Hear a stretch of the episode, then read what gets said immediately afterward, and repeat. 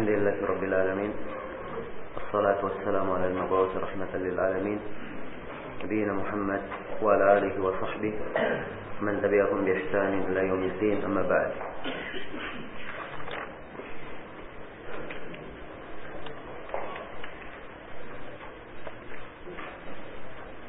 Ini majelis yang ke-25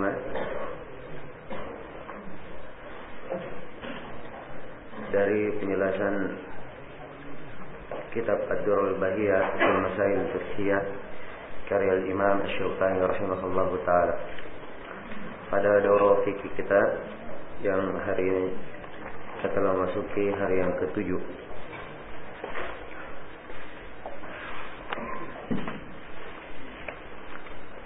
Berkata Imam Asy-Syaukani rahimahullah taala dalam kelanjutan pembahasan Kitab Ar-Rahan. Kata beliau kitab Ar-Rahan. Ar-Rahan adalah jaminan gadai. Ar-Rahan secara bahasa kadang bermakna at-thubut wa dawam. At-thubut wa dawam. Tetap dan continue. Kalau dikatakan ma'un rahin, air ini rahin, maksudnya dia air diam dan tetap seperti itu. Dan mana yang kedua, rahan kadang bermana al-habs. Bermana yang tertahan. Ya. Seperti firman Allah, "Kullu mri'in bima kasabat rahina." Setiap orang dari apa yang diupayakan dia rahin, maksudnya tertahan. Dia harus mempertanggungjawabkannya. Dan secara syar'i ar-rahan adalah secara istilah ar-rahan adalah ja'lu ainin maliyatin wasiqatan bidainin yastawfa minha aw min thamaniha in ta'addara al-wafa' Rahan adalah dia memberikan barang memberikan harta barang sebagai wasiqah sebagai wasiqah sebagai jaminan terhadap hutangnya. Wasiqah bidainin terhadap hutangnya yustaufa minha atau min samaniha idza ta'addara al-wafa yang kemudian dari barang yang diberikan ini, barang jaminan ini, apabila dia tidak membayar, maka akan diambil bayarannya dari barang tersebut atau dari harganya. Atau dari harganya. Baik, ini definisi ar-rahan.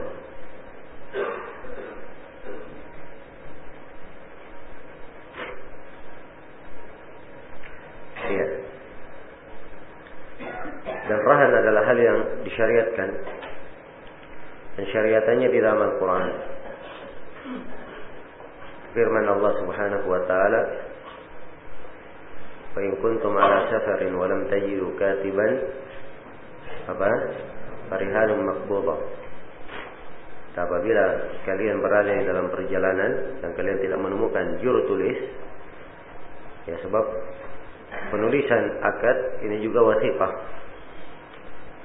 Ya, juga adalah apa? Wasiqah. Jaminan atau penguat untuk sebuah akad. Iya. Kalau kalian dalam perjalanan dan kalian tidak mendapatkan juru tulis, maka dengan rahan yang dipegang. Ini ayat dalam perjalanan. Tapi bukan artinya syariat rahan itu hanya di dalam safar saja. Boleh di safar maupun selain apa? Safar. Dan biasanya pada saat safar itu lebih diperlukan rahan lagi. Makanya disebutkan safar saja. Ya, jelas ya. Kalau di safar harus ada uh, apa di safar disyariatkan rahan, maka di selain safar juga lebih disyariatkan. Lebih apa masuk dalam pensyariatan. Ya. Dan di antara dalil bahwa rahan tidak harus dalam safar, ini juga dalil tentang disyariatkannya rahan. Bahwa Nabi Shallallahu Alaihi Wasallam apa mengambil makanan dari seorang Yahudi untuk tempo tertentu dan beliau memberikan rahan baju besi beliau. Menjadikan baju besi beliau sebagai apa? Sebagai rahan maka ini menunjukkan disyariatkannya. Ya. Dan sepakat para ulama tentang disyariatkannya rahan dan tidak ada yang mengingkarinya. Syaukani rahimahullah taala berkata ya juzu rahnu ma yamlikuhu rahin fi dainin alihi. Boleh seorang memberikan jaminan gadai dari apa yang dimiliki oleh si penggadai lantaran hutang yang ada padanya. Ya. Sini boleh terangkan boleh seorang yang berhutang dia menggadaikan atau memberikan jaminan untuk hutangnya tersebut dengan barang gadaian yang dia miliki. Ya, di sini kata beliau ya juz boleh. Beliau terangkan hukum ar-rahan. Rahan itu hukumnya adalah apa? Hukumnya adalah boleh bukan wajib. Hukumnya adalah boleh bukan apa? Bukan wajib. Dan tidak ada silam pendapat di kalangan para ulama bahwa rahan hukumnya adalah apa? Adalah boleh bukan wajib. Ya. Dan perintah yang ada di dalamnya itu adalah perintah irsyad, pengarahan, penganjuran. Bukan perintah wajib. Karena rahan adalah ganti dari kitabah. Ya. Kalau misalnya seorang meminjam dari orang lain, kemudian dia telah menulisnya, maka ini telah cukup dengan tulisan tersebut sebagai bukti. Kalau tidak ada dengan tulisan yang syah dan ada persaksiannya, maka bisa dengan rahan. Ini bukti yang lain. Sebagai ganti dari penulisan. Dan penulisan akad itu, penulisan akad pinjaman, itu hukumnya sunnah, bukan wajib. Hukumnya apa? Sunnah bukan wajib. Ya. Jadi kalau penulisan saja bukan wajib, apalagi gantinya, yaitu apa? Rahan juga bukan wajib. Karena itu Asyukani bahasakan di sini dengan kalimat ya juzu boleh bagi ar-rahan. Bagi apa ar-rahim, bagi orang yang berhutang untuk menggadaikan. Nah. Kemudian kata beliau dia menggadaikan ma yamlikuhu. Apa barang yang dia gadaikan? Adalah sesuatu yang dia miliki. Sesuatu yang dia miliki. Kalau ada barang yang dia miliki, maka itu yang dia berikan sebagai apa namanya hal yang dia gadaikan jelas ya dan apakah harus yang dia gadaikan itu sesuatu yang dia miliki secara penuh atau boleh sesuatu yang dia miliki ya sementara maupun yang dia miliki belum penuh ini letak sila pendapat di kalangan para ulama ya.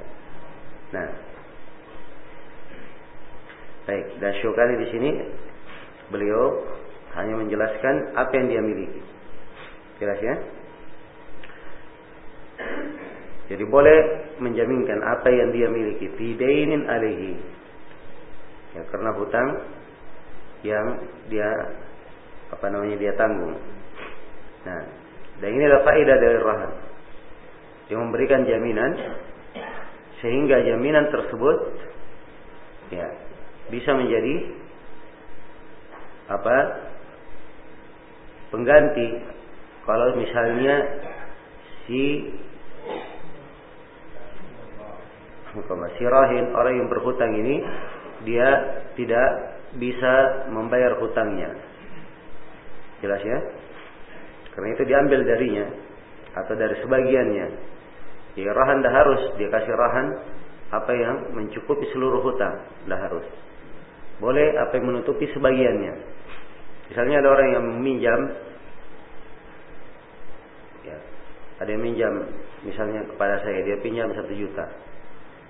Terus dia berikan kepada saya barang barang ini nilainya apa? Nilainya satu juta. Jelas? Maka ini boleh. Ini boleh.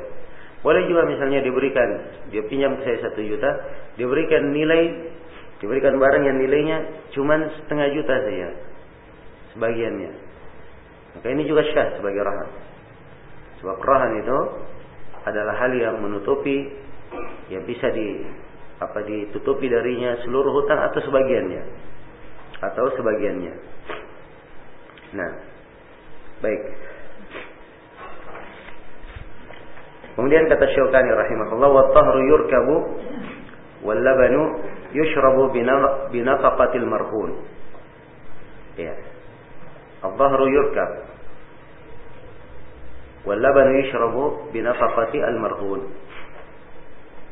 Dan hewan itu boleh ditunggangi. Dan susunya boleh diminum. Ya kalau si marhun apa memberikan nafkah. Ya, memberikan nafkah padanya. Nah. Jelas ya?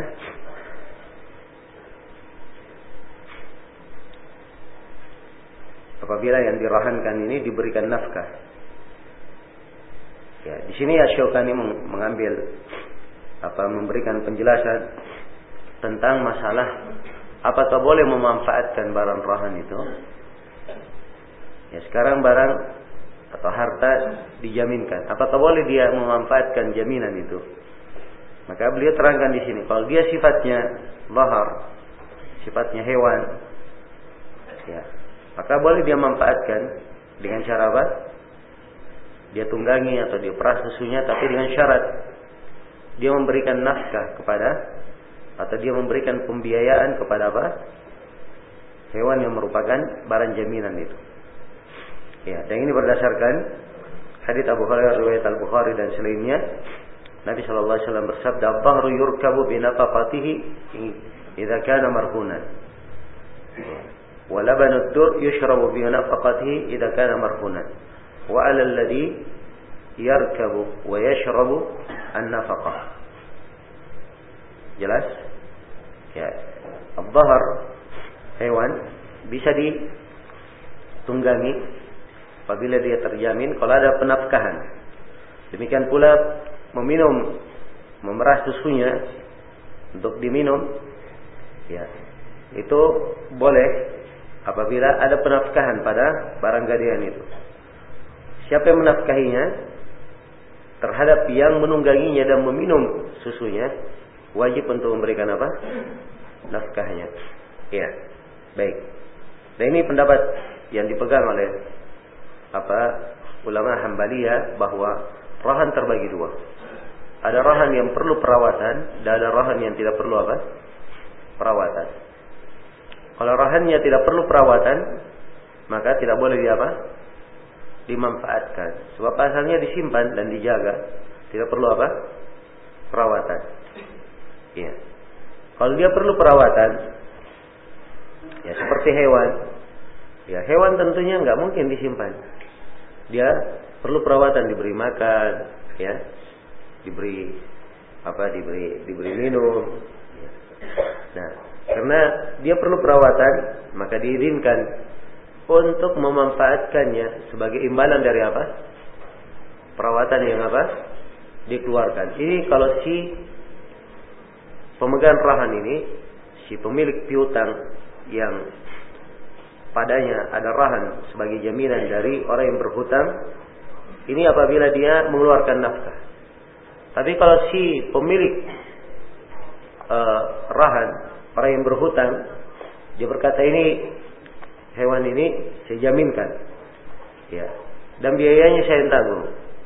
Misalnya dia yang tanggung biayanya maka ini tidak bisa diapa tidak boleh dimanfaatkan. Jelas ya? Nah. Maka ini ketentuannya yang ditunjukkan oleh hadis Rasulullah Sallallahu Alaihi Wasallam. Kemudian nampak dari hadis ini bahwa penggunaan rahan tersebut itu sesuai dengan kadar apa? Kadar nafkah dan kadar atau kadar pembiayaan yang dia berikan. Sesuai dengan kadar pembiayaan yang dia berikan. Ya kalau misalnya dia berikan uh, apa namanya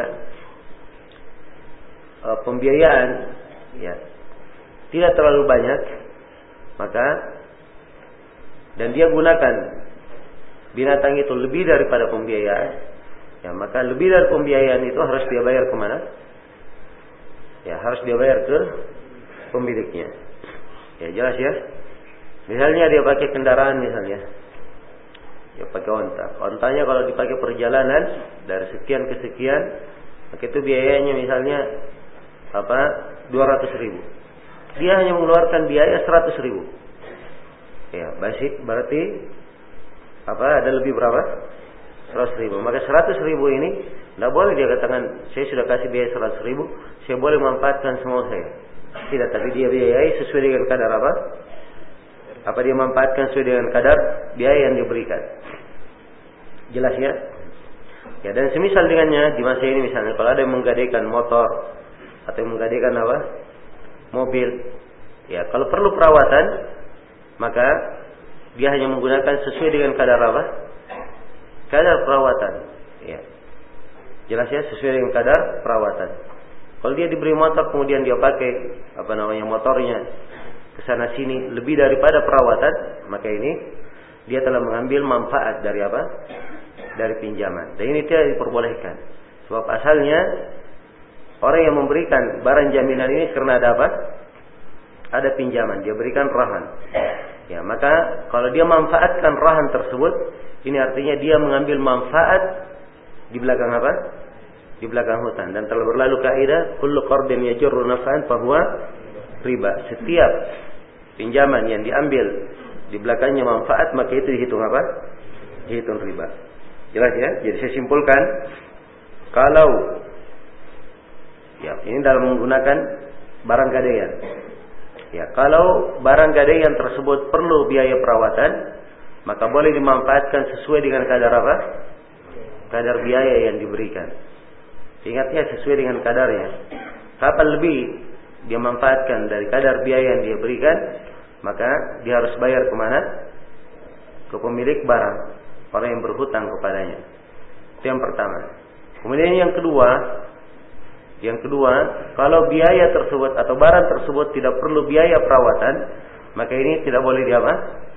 Dimanfaatkan. Kalau dia manfaatkan, maka dia jatuh dalam apa? Dalam riba. Sebab dia mengambil manfaat di belakang pinjaman. Ya, jelas ya? Sini muncul satu pertanyaan. Ya. Sekarang ada orang yang menggadaikan misalnya motornya. Ya. Motor dia pakai. Dikatakan saya tidak mau pakai motor ini karena kalau saya pakai saya akan lebih pemakaiannya. Saya sewa saja. Ya, dia ingin menyewanya dari siapa? Dari si pemiliknya. Ya, orang yang berhutang kepadanya. Maka ini adalah solusi yang terbaik agar supaya dia jangan jatuh di dalam apa? Hal yang meragukan atau hal yang diharamkan.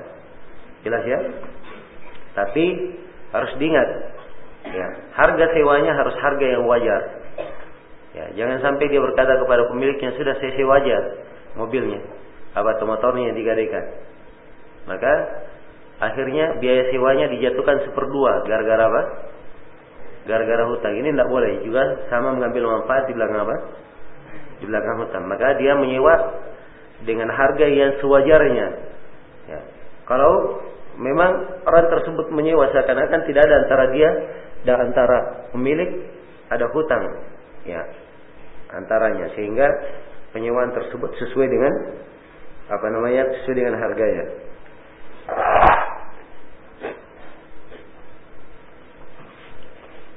Baik.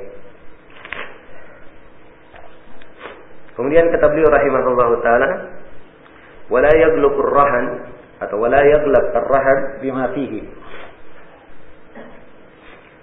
Iya.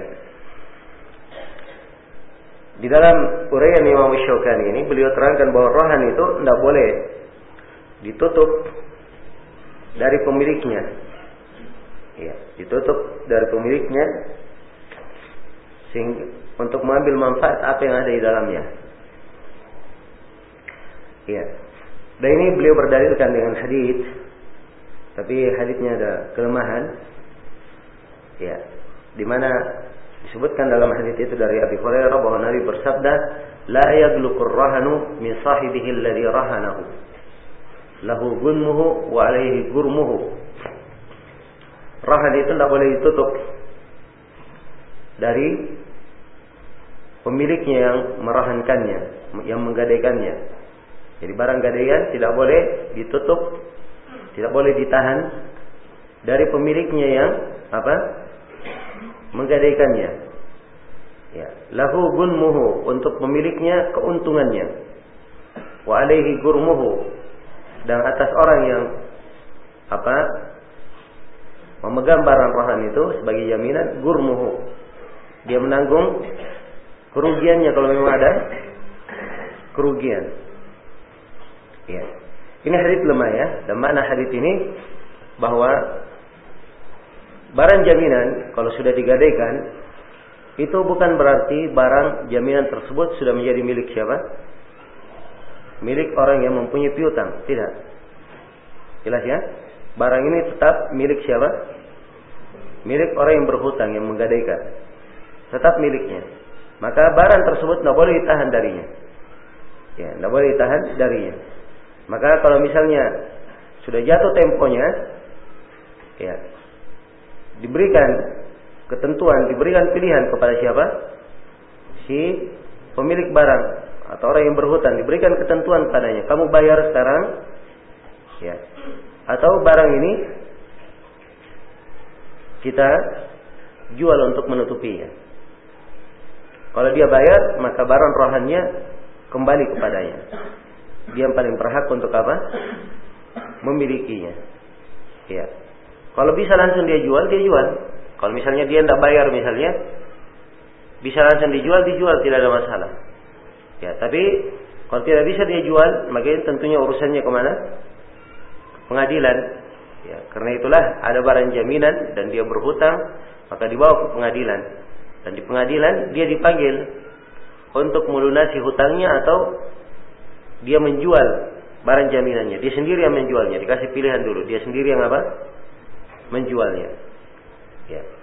Kalau dia tidak mau, dia tidak mau menjualnya, maka hakim boleh menjatuhkan hukum untuknya, untuk dia dipaksa atau dipenjara supaya bisa apa? mau menjual tersebut. Kalau tidak maka hakim boleh menjualnya langsung. Sedemikian rupa prosesnya karena memang orang yang memiliki barang gadaian itu tetap punya hak. Tidak langsung begitu langsung dijual. Tidak. Jelas ya? Dan ini juga kesalahpahaman dari sebagian orang kalau misalnya ada barang gadaian sudah digadaikan barangnya tidak bisa dibayar langsung menjadi miliknya penuh. Walaupun barang itu lebih mahal daripada apa? daripada hutang yang dia berikan atau yang dia pinjamkan kepada orang tersebut. Misalnya dia berhutang 10 juta. Ya, dikasih jaminan motor, motor nilainya 12 juta. Jelas? Maka ini tidak cocok, dia mengambil motornya. Motor itu harus dia jual. Kalau misalnya dapat 12 juta, maka dia ambil haknya 10 juta, 2 juta dia kembalikan ke siapa? Ya, ke pemilik motor itu, orang yang berhutang. Sebab asalnya barang gadaian tetap apa? Miliknya. Ya, jelas sampai sini ya. Maka ini hal-hal yang penting yang perlu diketahui dalam pembahasan rahan. Baik, selesai ya pembahasan tentang ar-rahan. Kemudian kata beliau rahimahullah taala Kitabul Wadi'ah wal Ariyah. Kitab tentang titipan dan pinjaman. Ya. Ini dua istilah al-wadi'ah dan apa? Al-ariyah.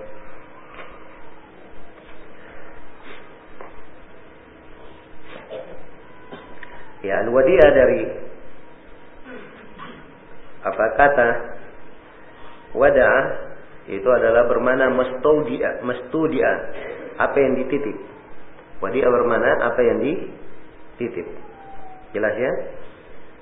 Terus secara bahasa. Secara istilah wadi'ah adalah al-mal al-mawdu' inda al-ghairi liyahfadahu bila iwadin. Al-wadi'ah adalah barang yang diletakkan kepada orang lain. Barang yang disimpan, diletakkan, kalau mau dibahasakan lebih ini, yang dititip kepada orang lain, liyahfadahu, dititip supaya dia menjaga barang itu. Bila iwadin, tanpa apa? Tanpa ada bayaran. Jadi dia titip tanpa ada bayaran. Jadi penitipan ini kalau bentuknya wadiah maka dia sifatnya apa? Sifatnya tabarruk. Akadnya apa? Akad tabarruk. Ya, kedermawanan. Tidak ada bayaran. Ya, tidak ada apa? Tidak ada bayaran. Itu akad wadiah. Jelas ya? Akad wadiah. Kalau dia ada bayaran itu namanya apa? Hah? Ya dia titip kemudian membayar. Namanya apa? Hah? Ya namanya ijarah, penyewaan. Iya kan? Dia mengupah soalnya. Dia memberikan upah. Ya, dan penitipan itu manfaat atau bukan? Hah? Manfaat. Dia sebuah amalan yang ada manfaat. Sudah berlalu ya di pembahasan ijarah. Jelas ya? Ya, karena itu saya dari awal sebutkan definisi kemudian hakikat dari definisi itu perlu dipahami untuk membedakan. Ya. Sekarang ada yang mengatakan ya kadang kita ke bank-bank apa namanya? Uh, syariat misalnya buka tabungan tabungannya disebut di situ wadiah. Disebutkan apa sifatnya apa? Wadiah. Maka kalau dia sebut wadiah, wadiah ini apa? Hanya sekedar di apa? Dititip. Tidak boleh ada pungutan bayaran. Itu namanya wadiah. Jelas? Ya. Jadi kalau ada biaya perawatan atau biaya titipan, maka itu namanya apa? Ijarah. Jelas. Dan wadiah ini, ya. Wadiah, saya terangkan ya hakikatnya supaya jelas. Wadiah adalah hal yang disyariatkan. Ya, hal yang disyariatkan. Pensyariatan pensyariatannya dari Al-Quran, dari hadits Nabi Sallallahu Alaihi Wasallam dan disepakati oleh para ulama. Dari Al-Quran Allah berfirman, "Wa ta'awanu 'alal birri wa taqwa." Tolong menolong dalam kebaikan dan ketakwaan. Ya. ya. Kalau dia menitip barang ke saudaranya, saudaranya menjaga barang itu, maka ini tolong menolong di atas kebaikan. Ya.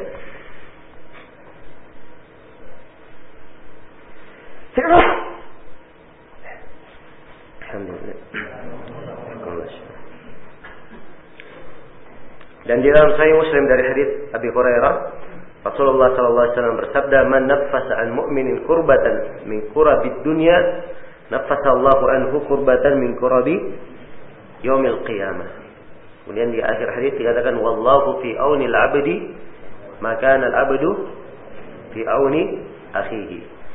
Siapa yang melapangkan dari seorang mukmin kesusahan dari kesusahan dunia maka Allah akan melapangkan untuknya sebuah kesusahan dari kesusahan akhirat. Kesusahan ini cakupannya luas ya. Telah kita uh, jelaskan makna kesusahan ini pada apa yang telah lalu di dalam masalah al-qard bagi siapa yang memberikan pinjaman. Ya. Jelas? Dan memberikan kelapangan itu dalam banyak hal. Apakah dalam masalah dia titipi, dia terima untuk dia dititipi, ini juga melapangkan saudara. Masuk juga. Ya. Kemudian berikutnya potongan hadisnya dikatakan wallahu fi aunil abdi Allah terus membantu hamba. Maka al abdu fi auni akhihi sepanjang si hamba membantu siapa? Saudaranya. Ya. Maka ini menunjukkan bahwa wadi adalah hal yang disyariatkan. Hal yang disyariatkan oleh Rasulullah Sallallahu Alaihi Wasallam. Dan sepakat para fuqaha tentang bolehnya al-wadi'ah. Sepakat para fuqaha tentang bolehnya apa? Al-wadi'ah.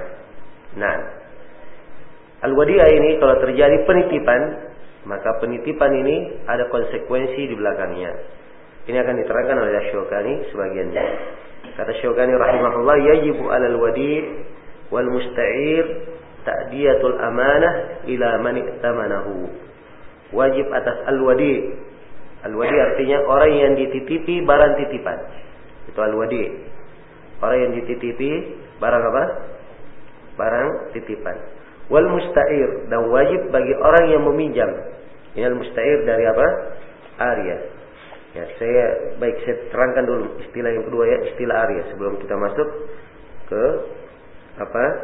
Pembahasan. Jadi sekarang dua istilah yang disebut di bab al-wadi'ah dengan apa? Al-arya. Ya, al-arya dari kata al-arah. Dari al-arya disebut juga al-arah dan dia dari kata at-ta'awur. Ya. At-ta'awur.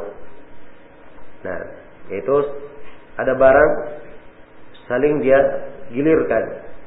Ya, saling dia pindahkan tetapi dikembalikan lagi dikembalikan lagi.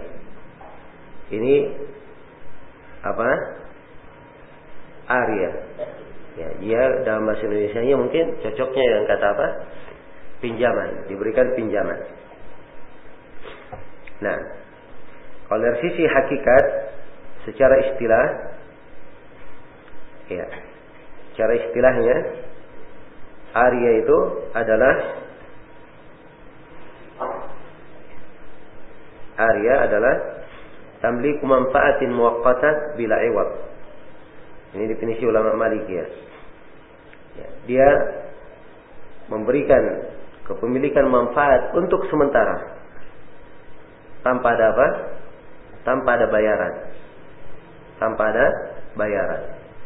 Ya, jadi dia pinjam ya, sebuah manfaat, sebuah barang yang bermanfaat dia pinjam sementara untuk dia manfaatkan. Itulah yang disebut dengan apa? Arya. Dan Arya ini adalah hal yang disyariatkan. Ya. Pensyariatannya di dalam Al-Quran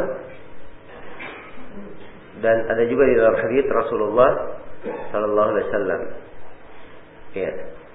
Dan dia adalah hal yang disepakati oleh kaum muslimin tentang bolehnya. Dari Al-Quran, firman Allah Subhanahu Wa Taala, wa yamnauna al-ma'un. Ya. Ini sebagian sifat yang dicela di dalam surah Al-Maun. Mereka menahan dari Al-Maun. Menahan dari apa? Al-Maun. Al-Maun itu adalah orang yang perlu apa? Perlu kepada sebuah atau kepada sesuatu dari orang lain. Orang lain yang memiliki sesuatu ini dia punya kelapangan. Dia punya kelapangan. Bisa dia pinjamkan. Tapi dia tahan. Tidak dia pinjamkan. Maka ini disebut dia menahan dari apa?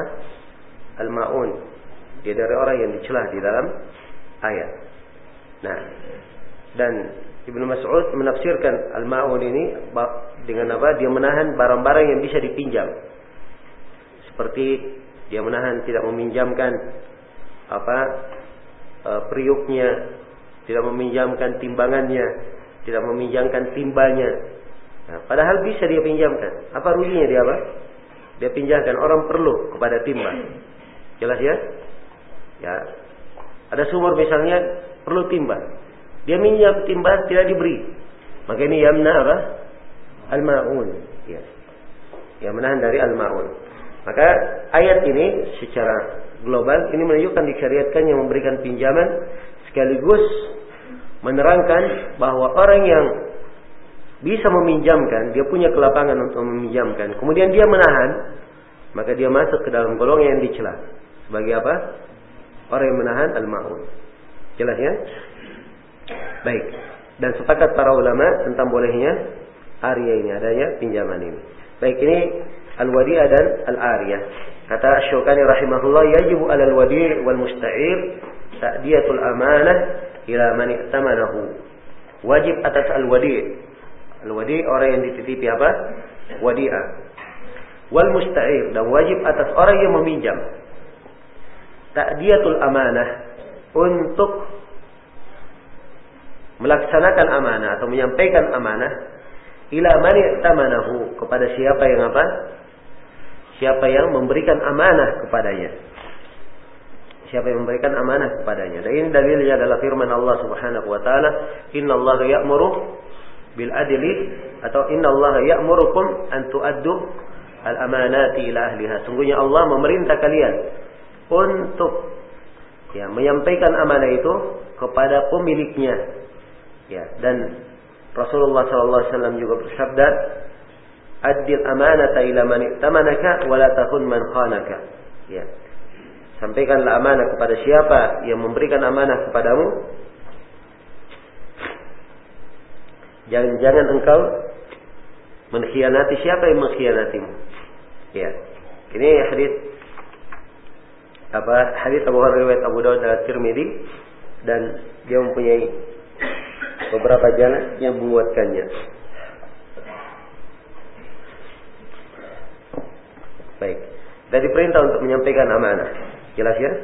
Maka dari sini nampak konsekuensi dari adanya sebuah pinjaman.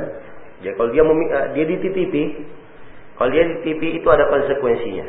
Kalau dia dititipi. Ya. Konsekuensi pertama, barang titipan yang diberikan kepadanya itu adalah apa? adalah amanah. Itu adalah amanah.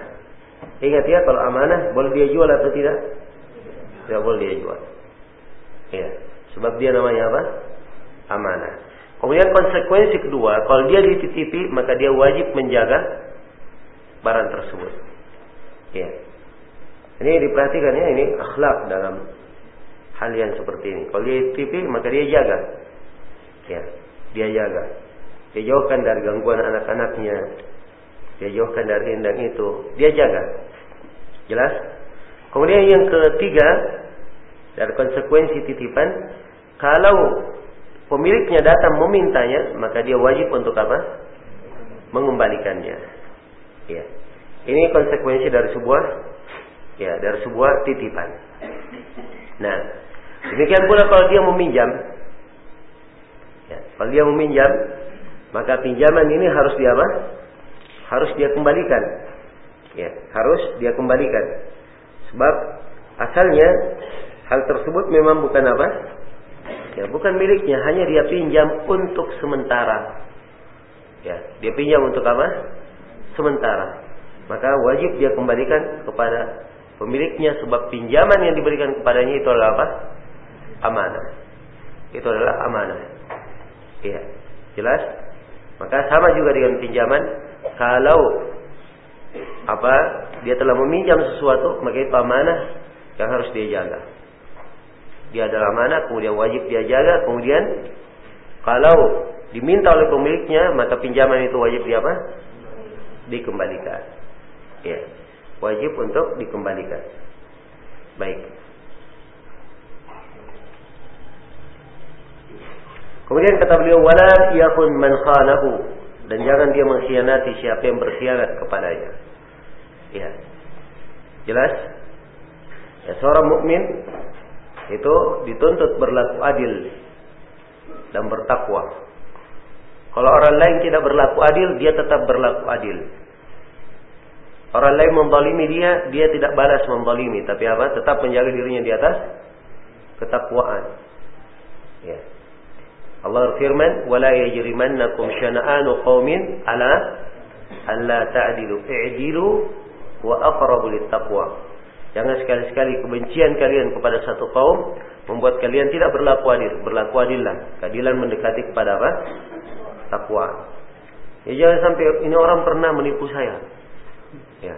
Saya pernah pinjami dia, dia rusak barang yang saya pinjamkan kepadanya. Wah saya balas. Ini sekarang mumpung barangnya ada sama saya, saya balas juga, saya rusakin. Ya. Jelas? Ini tidak diperbolehkan. Wala yakun man. Nah, jadi sekiranya jelas ya. Kemudian kata beliau, wala dhamana alaihi wala dhamana alaihi idza talafat idza talifat biduni janayatin wa khiyanah. Dan tidak ada dhaman. Ya. Dia tidak wajib menggantinya apabila talifat. Tidak wajib dia menggantinya apabila barang itu rusak. Ya, atau barang itu apa? Tidak bisa digunakan lagi. Ya, talifat itu bisa bermana dia hilang, bisa bermana dia hancur, terbakar. Ya, jelas? Kalau barang itu rusak bila jana ya tanpa ada bukan kesengajaan dari dia, sengaja yang merusaknya. Wahyana dan bukan karena ada khianat. Ya, maksudnya kalau barangnya rusak secara tabii, maka dia tidak menanggung.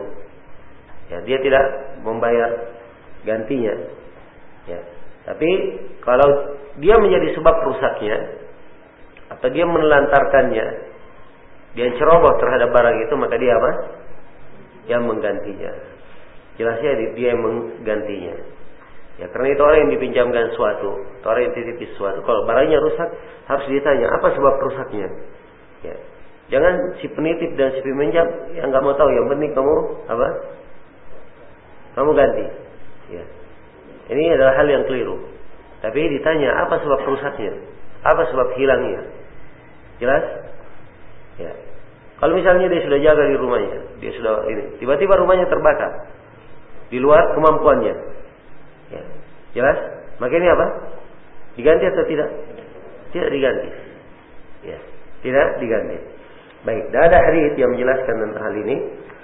Ya, di dalam syaratnya ada kelemahan, namun para ulama sepakat bahwa orang yang tidak dititipi itu tidak mengganti ya barang yang dititipkan kepadanya kalau barang itu rusak kecuali kalau dia yang berkhianat dalam hal itu. Dia menjadi sebab apa? rusaknya barang tersebut.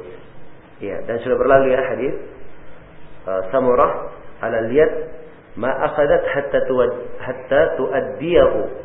Terhadap tangan dia wajib mengembalikan apa yang diambil sampai dia apa mengembalikannya atas tangan dia punya kewajiban terhadap apa yang diambil jadi dia tanggung jawab ya tanggung jawabnya ini lepas kalau barangnya sudah ada apa dia kembalikan. Dan kalimat tanggung jawab ini menunjukkan bahwa itu adalah hal yang hendaknya dia apa?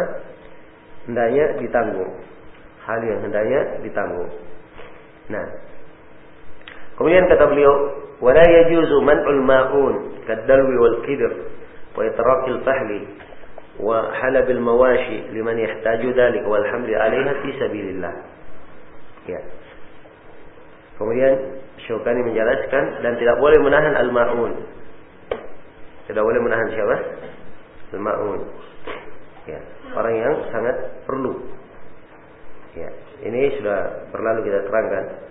Dan konteksnya dalam Al-Quran dicela fawailul lil musallin alladzina hum an sahun alladzina hum terus wa yamna'un al-ma'un. Tiga yang dicela. Celakalah orang yang salat dengan celakalah orang yang salat tapi dia melakukan tiga hal. Yang pertama, mereka lalai dari sholatnya. Yang kedua, mereka ria dalam hal itu.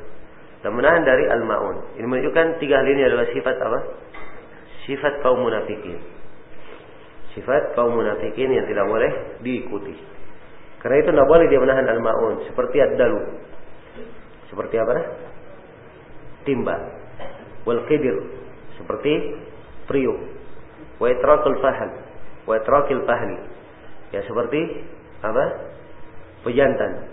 Ya sudah berlalu ya, hewan pejantan tidak boleh disewakan, tidak boleh apa? Tidak boleh diperjualbelikan airnya. Ya. Kalau diminta, misalnya, ada orang punya hewan betina, tentunya betina tidak mungkin melahirkan kalau tidak ada apa? Tidak jantannya. Ya. Maka diberi, dia butuh. Ya. Nah, jelas ya, dia perlu dalam hal ini. Nah, dan tidak ada ruginya kalau hewan jantannya apa? Ya, hewan jantannya menikahi atau kawin dengan hewan betina tersebut tidak ada ruginya. Dia tidak rugi. Jelas ya? Baik. Kemudian kata beliau wahala bil mawashi liman yahtaju dalik. Demikian pula memerah susu al mawashi, hewan-hewan ternak bagi siapa yang perlu kepada hal itu. Kalau misalnya ada hewan ternak yang punya susu misalnya, ya dia tidak perlukan hewan apa namanya susu tersebut dia juga diperah atau tidak diperah ya pasti tiap harinya akan berlalu maka datang orang yang memerahnya dia butuh maka tidak boleh ditahan tidak boleh ditahan oleh yang perlu terhadap terhadap al-mawashi ini atau memerah susu al-mawashi ini kemudian demikian pula menunggangi kendaraan itu di jalan Allah ya jadi kalau misalnya diperlukan kendaraan itu dalam jihad, maka tidak boleh ditahan. Ya, dibiarkan untuk dipakai. Jelas ya, dibiarkan untuk dipakai. Atau dia dalam perjalanan jihad, ada kendaraan yang kosong, bisa kawannya naik di atas bersamanya, maka tidak boleh dia apa? Tidak boleh dia menahannya. Tidak boleh dia menahannya. Ya. Ini semuanya kalau dia tahan maka dia masuk ke dalam apa? Orang yang menahan al-ma'un, orang yang sangat perlu. Ya. Baik. Kemudian kata beliau rahimahullah taala, walhamdulillah fi sabilillah. Nah. Ya.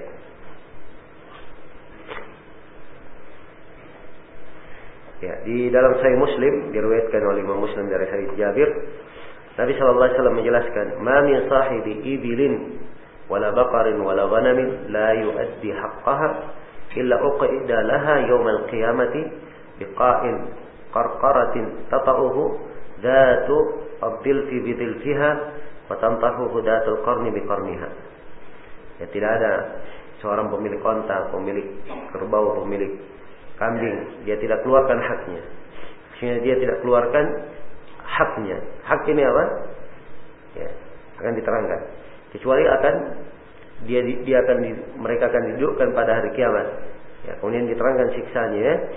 Kemudian dikatakan, wahai Rasulullah, ma? Ya Rasulullah, apa haknya? Ya, yang harus dikeluarkan. Kata beliau, itrafu fahliha. Ya, jantannya dibiarkan.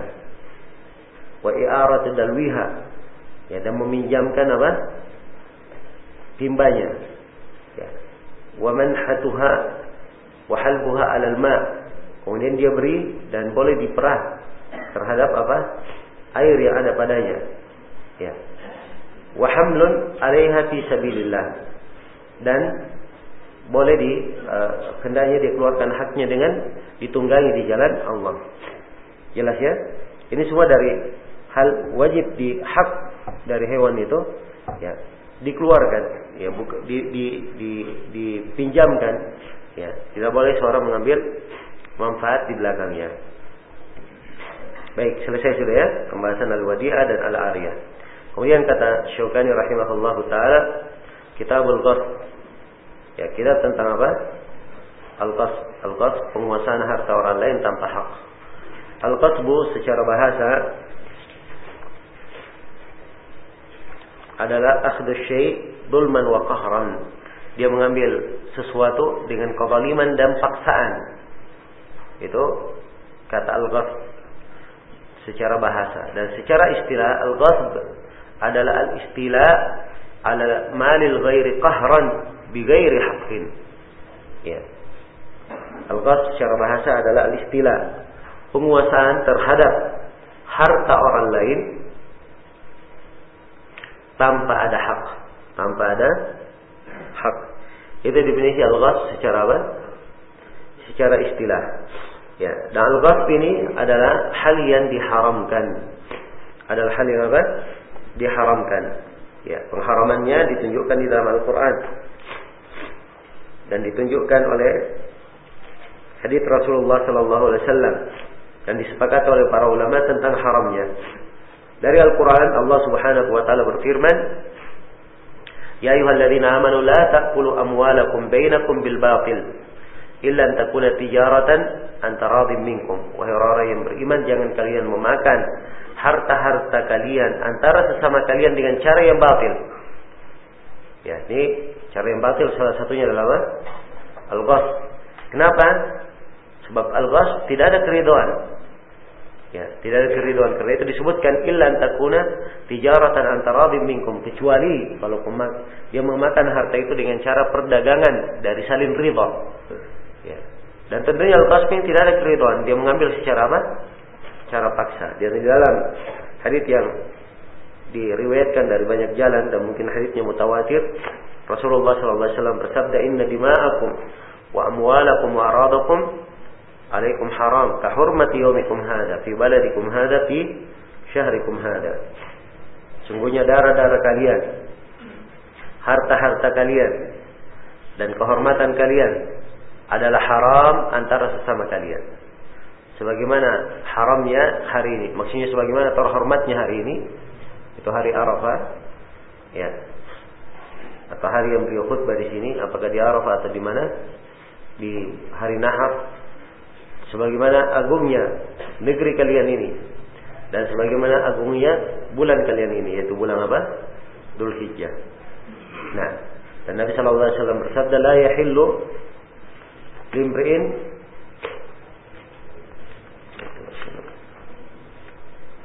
nah. dan Nabi Shallallahu Alaihi Wasallam bersabda la yahillu malum ri'in muslimin illa bitibatin min nafsih. Tidaklah halal harta seorang muslim kecuali ya dengan jiwanya yang apa telah riba bersuka cita memberikannya. Ya. Ini hadis di hadisnya ini ya hasan dari seluruh jalan-jalannya. Nah, maka ini sebagian dalil menunjukkan tentang haramnya apa? Al-ghasb. Ya. Dan al-ghasb ini adalah hal yang disepakati haramnya oleh para ulama, tidak ada silang pendapat. Nah, tidak ada silang pendapat. Jadi penguasaan harta orang lain tanpa hak ini adalah hal yang haram menurut apa? Kesepakatan para ulama. Ya kadang orang sebutkan penguasaan harta tanpa hak disebut dengan nama apa? Mencuri. Ya. Tapi dia lebih daripada itu. Bisa bermakna mencuri, merampok, memaksa. Yang jelas dia berkuasai harta tanpa apa? Tanpa hak. Jelas? Baik. Kemudian Syaukani rahimahullah taala berkata, "Ya'sam al-ghasib wa yajibu alaihi raddu ma akhad." Ya, orang yang ghasib, orang yang mencuri atau mengambil harta tanpa hak ini, ya, dia berdosa. Dia berdosa dan dia wajib untuk mengembalikan apa yang dia ambil. Nah, ini dari konsekuensi. Kalau dia mencuri, keharusannya konsekuensinya pertama dia berdosa dengan perbuatannya mencuri. Karena apa? Itulah dosa yang diterangkan di dalam syariat. Kemudian konsekuensi yang kedua, ya, konsekuensi yang kedua kalau dia mencuri, maka apa? Dia wajib untuk mengembalikan barang yang dia curi. Ya. Dia kembalikan barang yang dia curi kalau barang itu masih ada bersamanya. Jelas? Kalau barangnya sudah tidak ada lagi, maka dia kembalikan yang semisal dengannya atau dia bayar nilai dari barang itu. Atau dia bayar nilai dari barang itu. Ya, jadi ini konsekuensinya. Kalau ada yang mengambil barang tanpa hak. Kalau dia mengambil barang tanpa hak. Dan Rasulullah Shallallahu Alaihi Wasallam ya, telah mengingatkan akan hal ini. Ya. Akan tidak bolehnya seorang itu mengambil ya harta saudaranya walaupun dia main-main juga tidak boleh diambil. Ya la ya'khudanna ahadukum mata'a akhihi jaddan wala la'iban. Jangan salah seorang dari kalian itu mengambil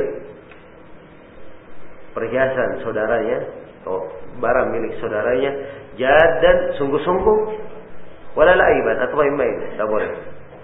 Wa idza akhadha ahadukum asa akhihi falyaruddaha alaihi. Apabila salah seorang dari kalian mengambil tongkat saudaranya, maka hendaknya dia kembalikan kepadanya. Dikembalikan kepadanya. Jelas ya? Baik.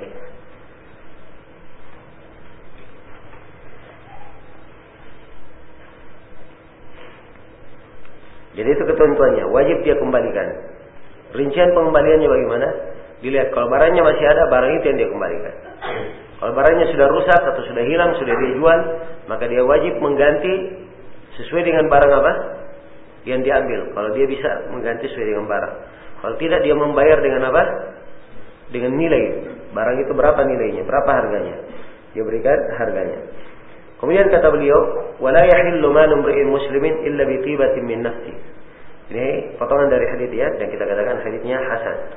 Li irqi zalimin haqqun. Ya, perbaiki itu harakatnya gitu ya. Li irqi zalimin haqqun.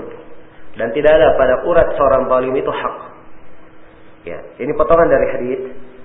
Potongan dari sebuah hadis sudah berlalu bersama kita. Ya, di mana berlalu ini? Awal hadisnya itu man ahya ardan fahiya lahu wa laysa li irqi zalimin hakun.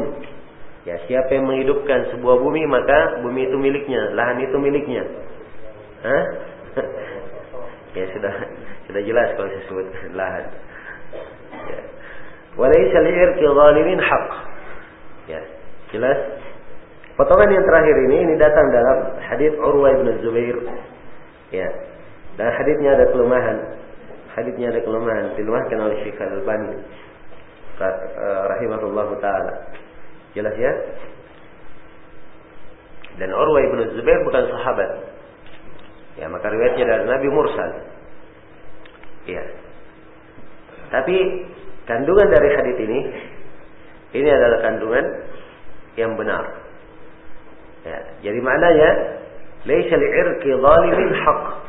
Tidak ada pada urat seorang yang zalim itu apa? Hak. Kalau si zalim ini ya, dia datang ke tanah yang sudah dihidupkan oleh saudaranya, kemudian dia melakukan kegiatan di atas tanah itu agar supaya dia dikatakan yang menghidupkannya, maka ini adalah perbuatan apa? Perbuatan zalim. Tidak ada hak untuknya. Tidak ada hak untuknya. Jelas ya? Ini maksudnya. Kemudian kata beliau, "Wa man zara'a fi ardi qaumin bighairi idnihim, falaysa lahu min az-zar'i syai'un wa lahu nafaqatuhu." Siapa yang menanam di tanah satu kaum tanpa izin mereka, maka dia tidak mendapatkan bagian apa pun dari tanah itu. Dan untuk dia nafkahnya. Untuk dia apa yang dia apa? Dia keluarkan. Ya. Ini berdasarkan hadis Rafi ibn Khadij. Riwayat Imam Ahmad, Abu Daud, Ibnu Majah, Tirmidzi dan selainnya. Ya hadisnya sahih. Nabi sallallahu alaihi wasallam bersabda, "Man zara'a fi ardi qaumin bighairi idnihim, falaysa lahu min az-zar'i syai'un wa lahu nafaqatuhu." Ya, siapa yang menanam di tanah sekelompok orang di tanah satu kaum, dia tanam tanpa izin mereka, maka dia tidak mendapat bagian sama sekali dari apa? Dari tanaman itu. Dan untuk dia nafkah yang dia apa? Dia keluarkan. Jadi kalau dia sudah tanam, ha? dia tidak dapat bagian sama sekali. Karena dia tanami tanahnya siapa? Tanahnya orang. Tapi sepanjang dia sudah mengeluarkan biaya, maka biaya ini diberikan kepada kepadanya. Berapa nafkah yang dia keluarkan, berapa biaya yang dia keluarkan, itulah yang dia dibayar dengannya. Jelas ya? Baik, kemudian kata beliau man gharasa fi ardi ghairihi gharasan rafa'ahu. Ya, siapa yang menanam di bumi orang lain ya, di tanah orang lain dia tanam sebuah tanaman, maka hendaknya diangkat tanaman itu. Ya, silahkan dia cabut, ya dia bawa ke tempat lain. Ya, dia bawa ke tanahnya yang merupakan apa? Merupakan haknya. Ya, jangan dia tanam di tanah orang. Dan ini sudah berlalu ya. Kemudian kata beliau wala yahillul intifa bil maktub dan tidaklah halal ya tidaklah halal seseorang itu mengambil manfaat dari apa yang dia kuasai tanpa hak. Ya apa yang dia kuasai dari harta orang tanpa hak. Tidak boleh dia menggunakannya. Dan telah dapat datang ancaman-ancaman yang sangat keras ya di dalam hal ini. Di antaranya Nabi Shallallahu Alaihi Wasallam bersabda, "Man shibran mil ard, tawakahu Allah min sab'i arabin." Siapa yang menzalimi satu jengkal dari tanah, maka dia akan digantungkan di lehernya pada hari kiamat tujuh bumi.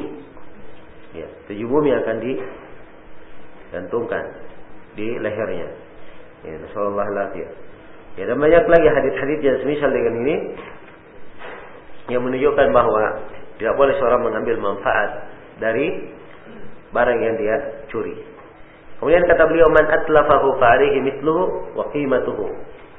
Siapa yang apa merusakkan ya, atau menghancurkan yang memusnahkan barang yang dia curi itu maka dia wajib untuk mengganti yang semisal dengannya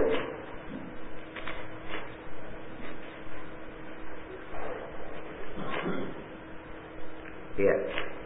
Wajib untuk mengganti yang semisal dengannya atau dia mengganti harganya. Atau dia mengganti apa? Harganya. Baik. Ini adalah hal yang sudah kita terangkan sebelumnya.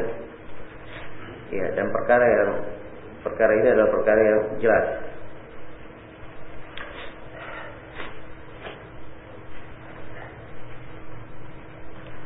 Nah, dan sudah pernah berlalu ya bersama kita tentang apa namanya uh, al-musarrah ya dikembalikan al-musarrah itu bar, uh, hewan yang diperah susunya. Kemudian ternyata susunya itu tidak ada. Ya maka dikembalikan dan dibayar apa? Satu sok dari apa? Dari korma sebagai nilai susu yang diambil. Ya kalau seperti ini aja didetailkan. Padahal dia sebenarnya tadi sebelumnya apa? Akad ya jual beli. Cuman di sini ada bentuk penipuan. Apalagi kalau dia mengambil tanpa apa? Tanpa hak. Ya ini harusnya dia lebih harus menjaga mengembalikan yang semisal dengannya atau dia kembalikan harganya kalau memang dia sudah rusak. Baik. Kemudian kata beliau rahimahullah taala dalam pembahasan berikutnya kitabul itq. Ya. Kitab tentang al-itq. Al-itq adalah apa pembebasan budak nah itu yang dimaksud dengan al-itq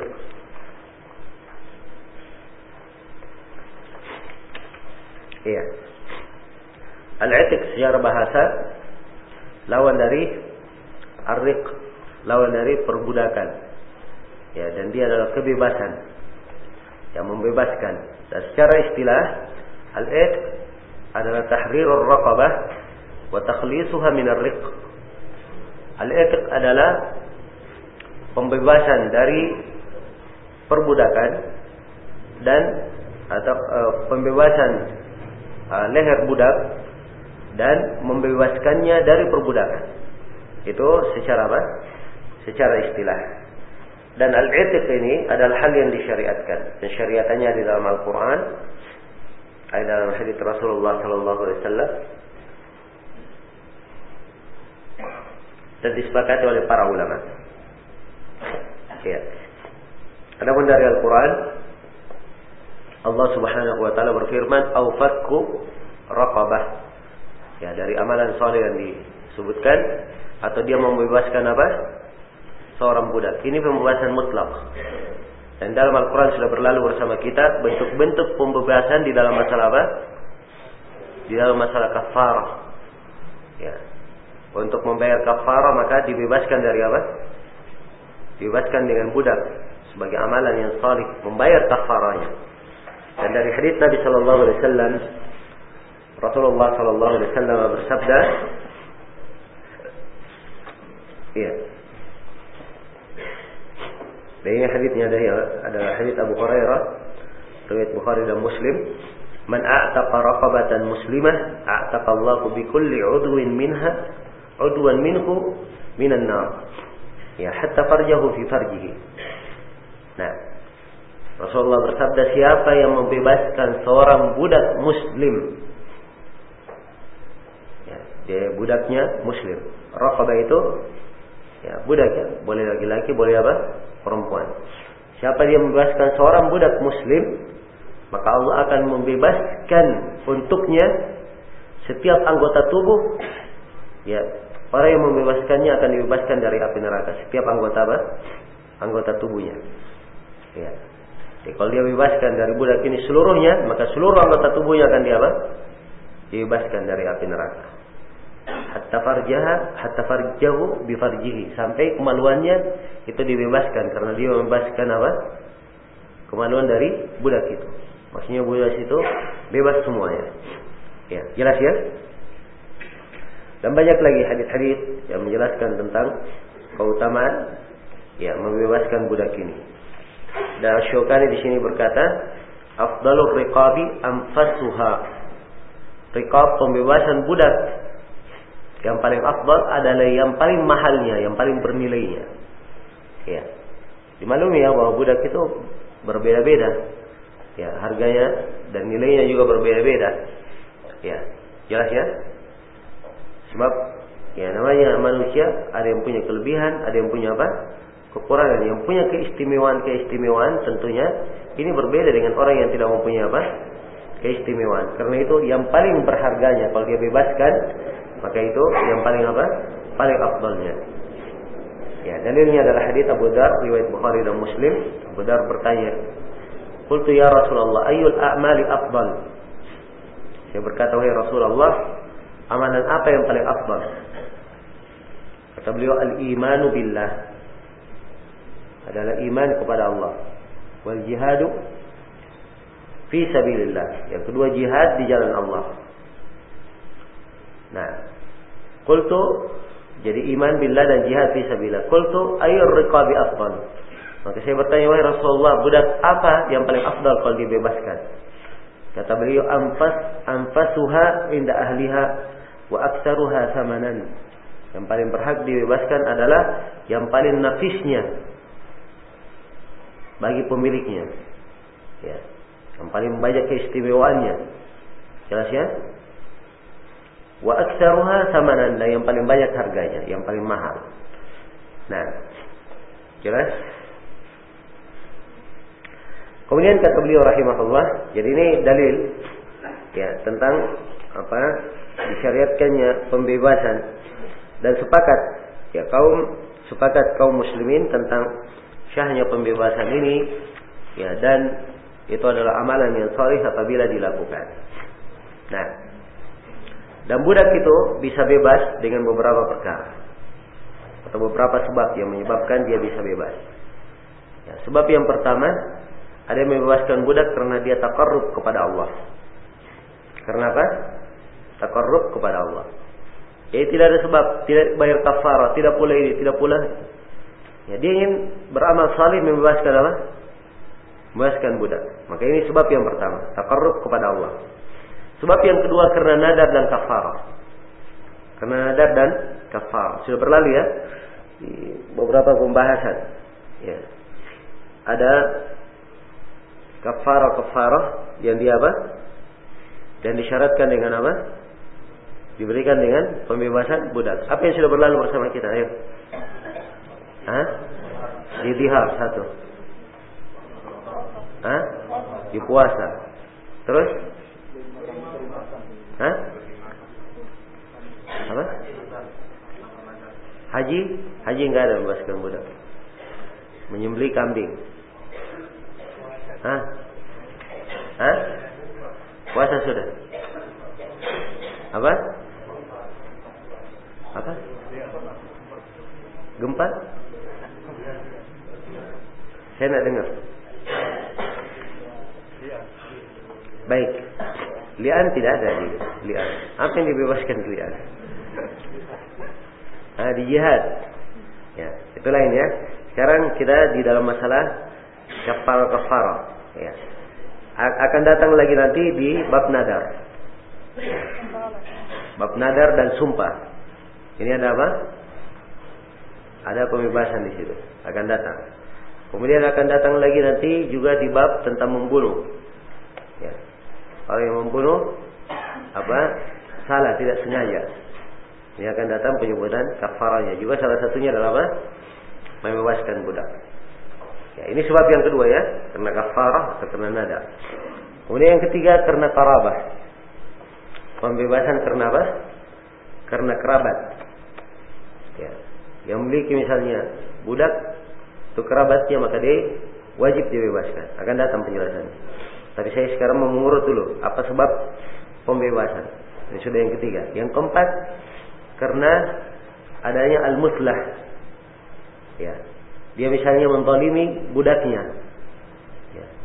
Dia mentolimi budaknya sehingga dia apa hilangkan sebagian kupingnya misalnya atau dia ya, perlakukan apa dia buat muslah pada ada cacat-cacat pada budaknya dia perbuat maka ini dia wajib membebaskannya kalau dia lakukan itu maka dia apa wajib untuk membebaskannya kemudian yang keenam ya, dibebaskan karena dengan sebab at-tab'id. Karena budak kita adalah budak muba'ab. Ya. Nah, ya budak muba'ab kita adalah budak yang dibebaskan sebagiannya. Ya. Jelas? Ini mungkin akan lebih kita terangkan. Kemudian yang keenam, ya dia membebaskan karena memang dilarang dia menahannya. Dilarang dia apa? Menahannya. Ya, ini enam sebab. Ya, rinciannya akan lebih dirinci nanti di dalam apa? Pembahasan. Baik. Kata Syukari rahimahullah taala telah menjelaskan keutamaan pembebasan budak. Ya. Yang kedua kata beliau wa yajuzu al-itqu bi syartil khidmah wa nahwiha. Nah, ini tentang pembebasan bersyarat. Ya, dan boleh seorang membebaskan budak dengan syarat ya, dia melayani. Apa dengan syarat dia membantu, melayani. Atau yang semisal dengan itu. Dan ini berdasarkan hadis Ummu Salamah atau hadis Safina riwayat Ahmad Abu Daud dan Nasai Ibnu Majah. Safina berkata, "A'taqatni Ummu Salamah wa syaratat alayya an akhduma an-nabiy sallallahu alaihi wasallam ma'ash." Ya. Kata beliau, Ummu Salamah membebaskan saya. Tapi Ummu Salamah mensyaratkan kepadaku, kamu bebas tapi dengan syarat kamu membantu dan melayani Rasulullah sepanjang Rasulullah masih hidup. Jelas ya? Jadi ini persyaratan boleh. Persyaratan yang seperti ini apa? Boleh. Kemudian yang kedua, ya. Kata Syukani eh, berikutnya pembahasan yang ketiga tentang kepemilikan budak yang masih semahram. Waman malaka atau waman malika rahimahu ataqa alaihi. Ya. Siapa yang memiliki rahimnya, misalnya kerabatnya, ya dia miliki orang yang semahram dengannya dia miliki, maka itu dia wajib untuk membebaskannya. Ya, ya. Dan ini ada sejumlah hadis disebutkan di sini oleh Syukani, tapi sayang seluruh hadisnya adalah apa? Seluruh hadisnya adalah lemah. Tapi masalah ini sendiri ya oleh para ulama dianggap sebagai masalah yang benar. Ya, ditunjukkan oleh ya, konsekuensi umum yang dipegang ya oleh para sahabat dan para tabiin bahwa mereka memandang siapa yang mem yang memiliki ya budak dan itu adalah punya hubungan kerabat dengannya. Misalnya ya ada budak ternyata itu adalah apa? saudaranya. Masuk ke dalam kepemilikannya setelah dia periksa ternyata apa? saudaranya. Maka ini wajib dia apa? Dia bebaskan. Nah, Jelas ya?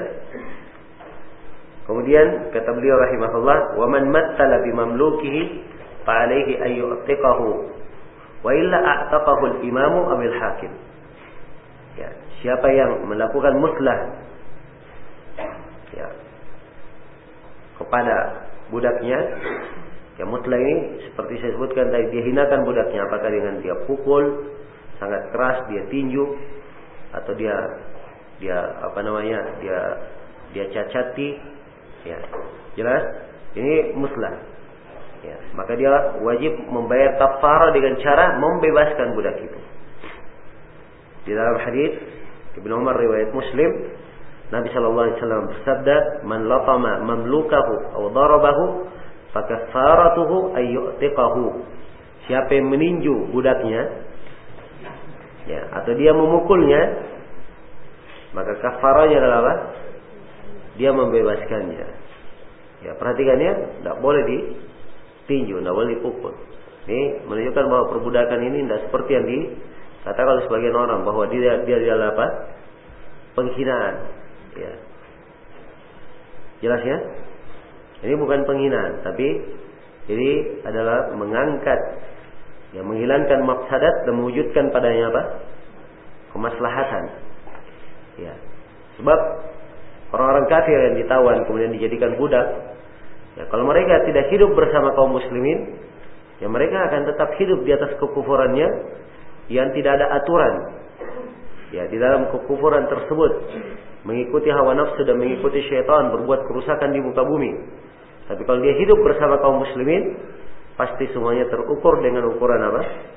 Syariat. Walaupun mereka punya kejelekan, kejelekannya akan apa? tertahan. Selain daripada itu, ya, mereka bisa mengambil akhlak yang baik dari umat Islam dan ada anjuran bagi siapa yang memiliki budak diajari, dia masuk Islam, kemudian diajari, ya, kemudian kalau dia bebaskan, kemudian dia nikahi, maka dia dapat dua pahala. Dapat dua pahala. Ya, maka sebenarnya perbudakan ini ini adalah lahan amalan saleh yang dibuka oleh Allah Subhanahu wa taala untuk siapa? Untuk kaum mukminin saling memanfaatkan. Ya, jadi kalau lihat dari sisi-sisi kemanusiaan di dalamnya, Ya, sisi kemanusiaannya lebih banyak. Jadi dalam hal tersebut. Ya. Dan keberadaan dia terpikat dan menjadi kepemilikan seseorang itu bukanlah hal yang apa namanya dikatakan sebagai hal yang merendahkannya secara mutlak. Betul kedudukannya di bawah, tapi bukan artinya menunjukkan hal yang menghilangkan makna kemanusiaan di dalamnya. Jelas sampai sini ya? Baik. Ya, sebab dimaklumi di dalam kehidupan pun ada yang menjadi pemimpin, misalnya ada yang menjadi bawahan. Ya bawahan ini bukan artinya dia bawahan kita bermana tidak ada kemanusiaannya sebagai bawahan. Ya, kan begitu. Ya. Maka ini adalah hal yang sendanya diperhatikan. Ya, sebab di masa ini kaum munafikin itu mencela umat Islam dari beberapa sisi. Sisi yang paling banyak mereka angkat ini di masalah perbudakan. Ya, jelas ya di masalah perbudakan.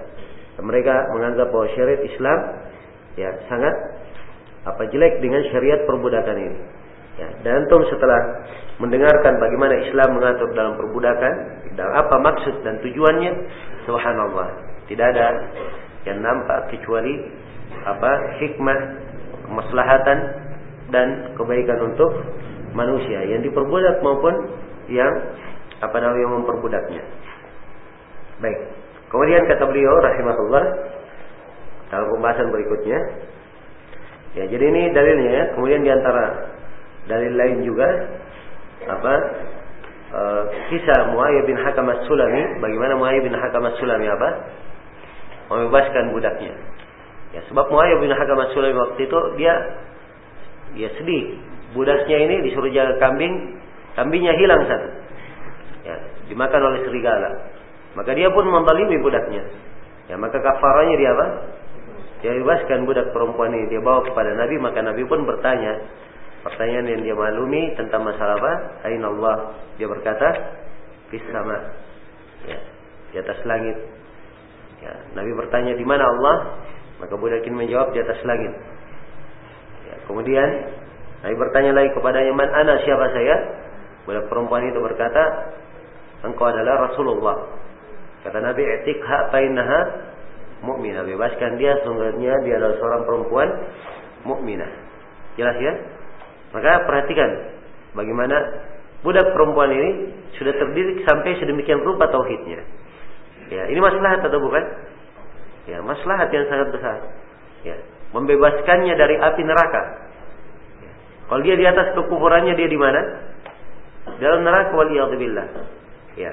Jadi untuk kemaslahatan dirinya, untuk kemaslahatan manusia, kalau dia tetap di atas kekafirannya, maka kekafiran itu akan mengarah untuk mengikuti segala segala jalan kejelekan yang dibisikkan oleh syaitan. Ya. Jelas? Maka tatkala dia berada di dalam kepemilikan umat Islam dan aturan umat Islam, maka akan menjadi baik di dalam hal itu. Kemudian kata beliau, "Wa man a'taqa syirkan lahu fi 'abdin syurakaihi nasibahum ba'da taqwim wa illa ataqa nasibahu faqat wastus'i al-abad." Nah, ini permasalahan tentang apabila seorang syarikat membebaskan budak milik bersama. Sekarang ada budak misalnya milik tiga orang. Ya, salah satu dari tiga orang ini dia bebaskan miliknya. Karena milik tiga orang dia punya apa? Sepertiga. Dia katakan, kamu dari kepemilikan saya kamu bebas. Jelas ya? Maka kalau ada yang membebaskan budak seperti ini, maka Nabi Shallallahu Alaihi Wasallam memberikan anjuran.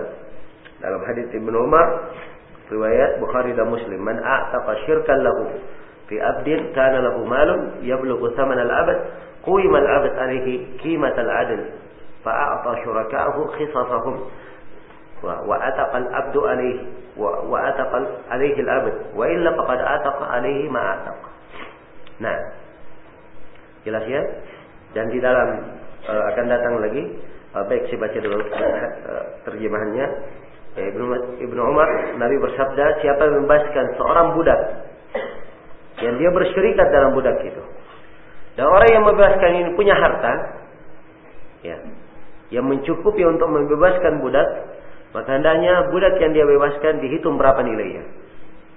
Ya, dihitung berapa nilainya.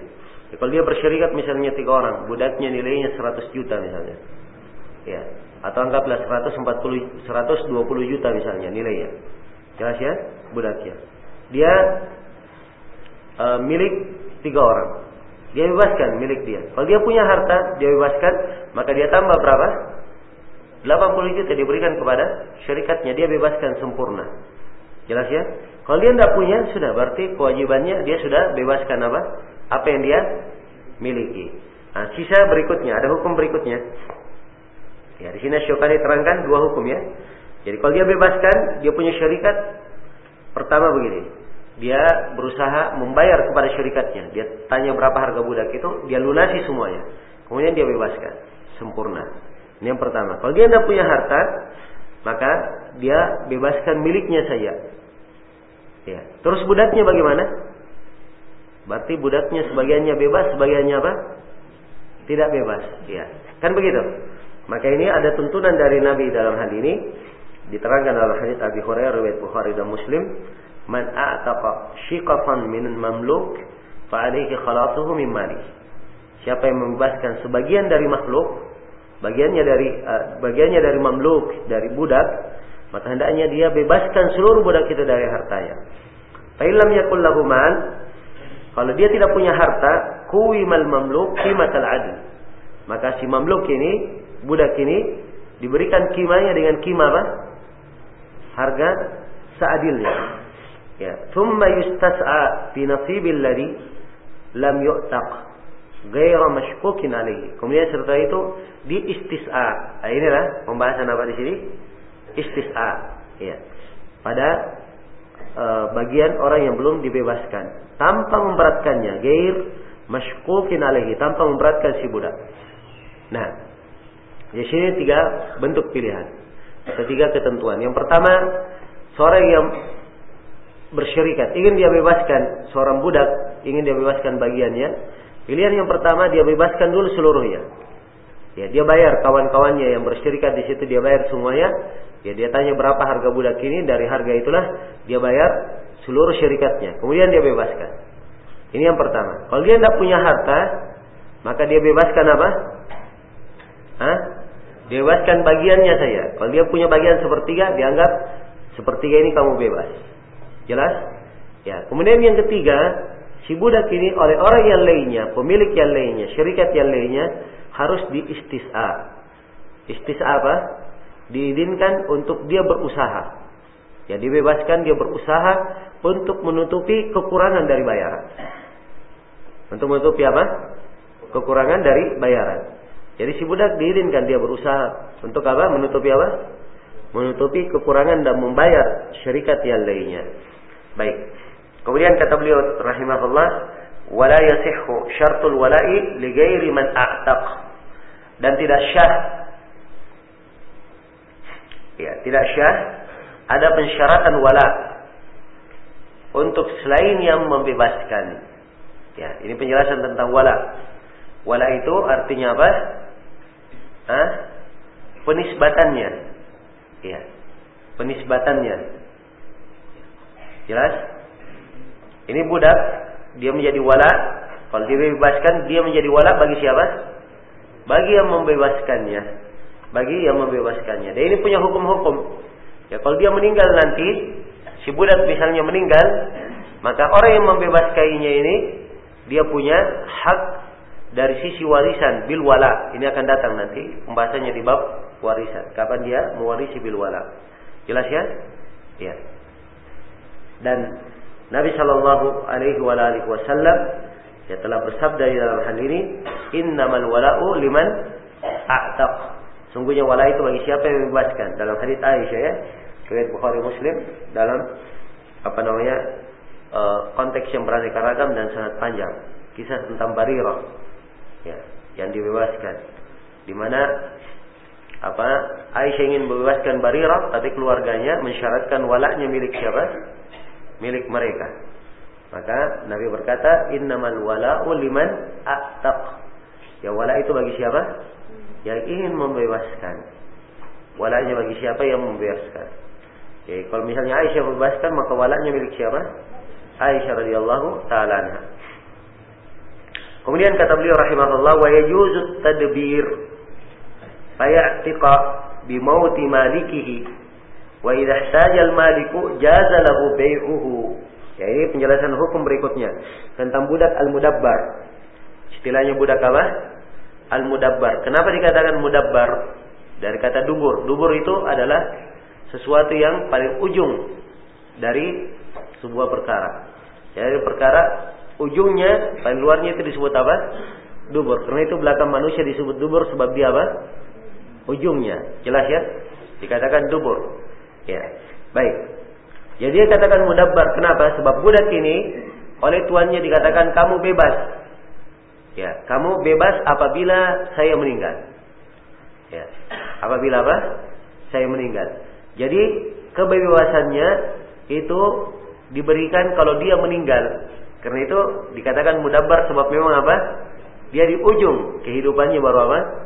Hidung kehidupan pemiliknya baru dia bebas. Jelas ya? Nah, dan mudabbar ini adalah hal yang diperbolehkan. Hal yang diperbolehkan. Ya. Dan hal yang disyariatkan ada nas-nas yang menjelaskan tentang hal tersebut. Ya. Dan di sini uh, Syukani menjelaskan hukum yang lain. Kalau misalnya si pemilik ternyata dia sudah berkata kepada budaknya, sudah kalau kamu kalau saya meninggal nanti kamu bebas. Ternyata di tengah jalan berjalan beberapa tahun, ya ternyata tuannya perlu untuk menjual budak ini. Ya, apa kabar dia jual? Ya, Syukari menjelaskan kalau dia perlu, pemilik perlu, maka dia boleh untuk apa? Menjualnya. Nah ini berdasarkan hadis Jabir riwayat Bukhari dan Muslim, anna rajulan ataqa gulaman Ya. Sini ada kesalahan kayaknya. Andain yang tertulis. Kalau nggak salah andubur itu dalam riwayatnya. Nah, lagi nanti kita periksa ya. Seorang lelaki membebaskan budak dari dubur. Fah, apa namanya? Yaitu budak mudabbar. Fahtaja. Lalu orang itu perlu. Fa'akadahu Nabi sallallahu alaihi wasallam. Maka Nabi mengambilnya. Faqala man yashtarihi minni. Maka Nabi berkata, siapa yang ingin membelinya? dari saya. Fashtarahu Nuaim bin Abdullah bikada wa kada wa dafa'ahu ilaihi. Maka Nuaim bin Abdullah membelinya dengan harga sekian dan sekian lalu mengembalikan lalu harga itu diberikan kepada siapa? Kepada tuannya. Jelas ya? Maka ini menunjukkan bahwa boleh menjual budak mudabbar kalau memang ada keperluan. Kalau memang ada apa? Ada keperluan dan dia tidak bisa misalnya dia berhutang tidak mampu lagi dia bebaskan. Dia lunasi hutangnya dari jalur yang lain ya dengan kecuali dengan cara dia bebas menjual budaknya maka ini tidak ada masalah sebab yang asalnya masih haknya kemudian kata beliau rahimahullah wa tajuzu mukatabatul mamluk ala malin yuwaddihi fayasiru inda al-wafa'i khurra wa ya'tiku minhu biqadri ma sallam wa idza ajiza an taslimi malil kitabah ada sirrik ya ini tentang budak al-mukatabah sekarang Ya tadi al-mudabbar dan hukum-hukumnya telah kita terangkan. Sekarang al-mukatabah dan hukum-hukumnya. Al-mukatabah itu adalah budak yang telah terjalin perjanjian antara dia dan antara apa? Antara pemiliknya. Ya, bahwa kamu hargamu sekian misalnya. Ya, kamu boleh bebas tapi kamu lunasi harga itu. Di, di, diberikan apa? Tulisan mukatabah. Ya, jelas ya? Ya misalnya kamu harganya 10 juta, kamu lunasi 10 juta ini dalam 10 tahun. Ya. Kamu misalnya hargamu 100 juta, kamu lunasi dalam berapa? 10 tahun. Ya, maka dia berusaha untuk mengembalikan setiap tahunnya 10 juta. Ya, diberikan. Jelas ya? Dia berusaha selama 10 tahun. Inilah al-mukatabah. Jelas ya? Jadi mukatabah kata uh, penulis adalah hal yang diperbolehkan boleh melakukan mukatabah terhadap harta. Dan ini dalilnya adalah ayat Al-Quran. Allah subhanahu wa ta'ala berfirman, فَكَاتِبُوهُمْ in alimtum fihim khaira. maka lakukanlah mukatabah dengan budak itu kalau kalian tahu bahwa padanya ada apa? Ada kebaikan. Kalau diketahui orang tersebut ada kebaikan, maka tidak ada masalah. Jelas ya? Nah, dan budak mukatabah ini yang telah kita bahas di bab zakat, mereka bisa dibantu dengan apa? ha?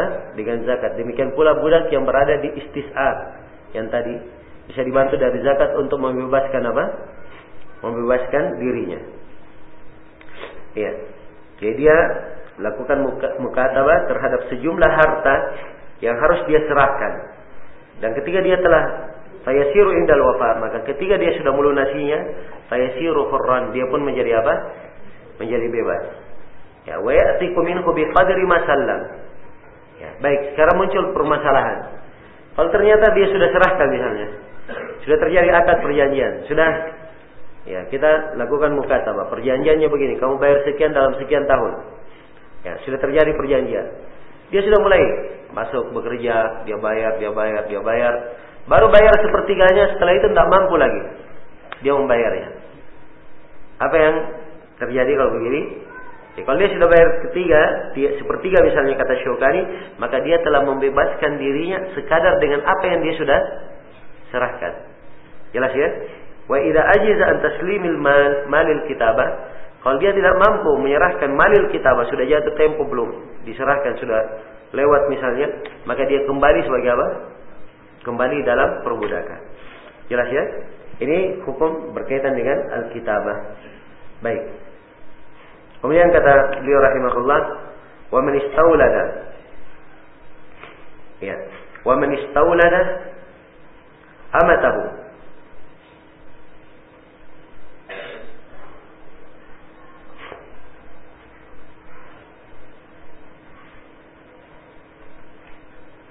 Nah, e, berkaitan dengan mukataba tadi ada satu poin lagi. Jadi kalau dia tidak mampu menyerahkan seluruh harta, maka dia kembali sebagai apa? sebagai budak. Baik, sekarang misalnya dia tidak mampu, mukataba tidak mampu. Ya, ada orang lain yang mampu untuk membebaskannya. Ya, maka boleh saja mukataba ini dibeli lagi oleh apa? Orang lain. Ya. Dibeli orang lain, mereka yang membebaskan. Sebab Barirah radhiyallahu taala anha, ya budak dari Aisyah, keluarganya melakukan mukataba terhadap siapa? Barirah. Ya, melakukan mukataba. Jadi sudah mulai mereka bayar. Jelas ya? Ya, kemudian Aisyah berkata, saya akan membebaskan kamu. Tapi walakmu adalah milik saya. Jelas ya? Keluarga Bariro berkata tidak, bebaskan saya tidak apa-apa, tapi walak milik siapa? Milik mereka. Maka Nabi pun mengucapkan hadis yang telah kita baca, innamal wala'u apa? Liman a'taq. Sungguhnya walak bagi siapa yang membebaskan. Kemudian kata beliau, wa man istaulada amatahu lam yahilla lahu bai'uhu wa atafat bimautihi wa tanjizihi li'itkihi ya atau wa tanjizihi li'itkiha baik kemudian kata beliau rahimahullah siapa yang apa membuat budaknya itu melahirkan ya budak perempuannya melahirkan maka tidak halal baginya menjual budak itu jelas ya tidak halal baginya untuk apa menjual budak tersebut nah ini penjelasan tentang masalah budak yang telah apa? Ya. Budak yang telah dia gauli sampai budaknya sudah apa? Melahirkan. Sampai budaknya melahirkan. Apakah ya budak ini boleh dia jual atau tidak? Apakah budak ini boleh dia jual atau tidak? Ini permasalahan oleh Asyokani dipandang bahwa hadis-hadis yang warid dalam hal ini ini adalah hadis yang syah adalah hadis yang apa? Yang syah. Tidak boleh seorang itu menjual budaknya. Tidak boleh seorang itu menjual apa? Yang menjual budaknya. Apabila budak perempuan itu sudah melahirkan darinya. Ada hadis-hadis yang dijelaskan di sini. Ya. Tapi kebanyakan dari hadis-hadis ini ada kelemahan. Karena itu terjadi silam pendapat di kalangan para ulama ya di dalam hadis-hadis ini. Ya, kebanyakan para ulama berpendapat dengan hadis. Ya, mereka berpendapat bahwa apa? Dia budak itu tidak halal untuk dijual. Dan sebagian para ulama yang lain mereka berpendapat bahwa budak-budak tersebut boleh untuk dijual. Boleh untuk apa? Dijual. Nah, ini dua pendapat di kalangan para ulama dan Asyokani di sini rahimahullah menguatkan pendapat yang mana? Yang pertama, pendapat jumhur bahwa tidak halal dia jual ke sebab beliau memandang bahwa hadis-hadisnya dari seluruh jalan-jalannya bisa dikuatkan. Ya. Baik, kemudian kata beliau wa ataqat bimautihi dan budak ini bisa bebas dengan apa? Dengan meninggalnya. Ya, jadi kalau si tuannya yang apa namanya tuannya sudah meninggal dan si budak perempuan ini sudah melahirkan anak tuannya, maka dia ketika tuannya meninggal maka dia pun menjadi apa? Menjadi bebas. Nah, kemudian kata beliau wa tanjizihi li'ifkihi. Ya. Dan dia wa bitanjizihi li'ifkihi. Dia bebas karena dia meninggal atau dia bebas karena memang sudah disiapkan untuk dibebaskan. Sudah disiapkan untuk dibebaskan. Jadi kalau sudah seperti ini keadaannya dia menjadi bebas ketika keadaan tersebut sudah ada apakah ketika dia meninggal ataupun tuannya sudah membebaskannya. Baik, ini sejumlah perkara yang berkaitan dengan masalah apa? Al-etiq. Ya. Dan ini pembahasan ya kita seperti yang saya sebutkan ya, pembahasan-pembahasan ya dibahas ya. Dan ini dari bab al-ilm, seorang mengetahuinya dan melihat keindahan syariat. Ya, walaupun sekarang ini pembahasan ini tidak ada yang apa? memerlukannya sebab ya tidak ada budak yang dibeli, ya, tidak ada budak yang di apa? Untuk saat ini. Tapi di masa mendatang ini pembahasan adalah hal yang apa? Hal yang berjalan, ya, dan hal yang diperlukan. Sebab jihad fi sabilillah itu dikabarkan oleh Nabi akan tegak sampai apa? Hari kiamat. Ya. Akan tegak sampai hari kiamat. Sepanjang dia masih tegak sampai hari kiamat, tetap harus ada apa? Ya, harus ada budak yang ditawan. Jelas ya? Baik. Maka ini hukum tetap berjalan. Ya. Berikutnya pembahasan tentang kitabul wakaf. Ya. Asal wakaf ini kita undur dulu ya. Hari ini Jumat ternyata. Saya lupa hari ini hari Jumat. Ya. Baik. Kita cukupkan dulu sampai sini. Insya Allah setelah uh, karena ini Jumat maka season sebelum duhur tidak ada. Sebab hari ini Jumat. Jadi nanti kita mulai lagi kapan? Pada duhur atau pada asar? Ya. Pada Jumat atau pada asar? Ya. Antum senangnya pada asar ya nggak apa-apa. Kita pada asar saja. Ya sekalian istirahat ya. Kalau sepekan istirahat. Ya. Tidak apa-apa insya Allah. Libur satu season untuk istirahat. Nah. Baik, jadi setelah uh, setelah asar insya Allah kita lanjutkan. Subhanakallahumma bihamdik asyhadu an la ilaha illa anta astaghfiruka wa atubu ilaik walhamdulillahi rabbil alamin.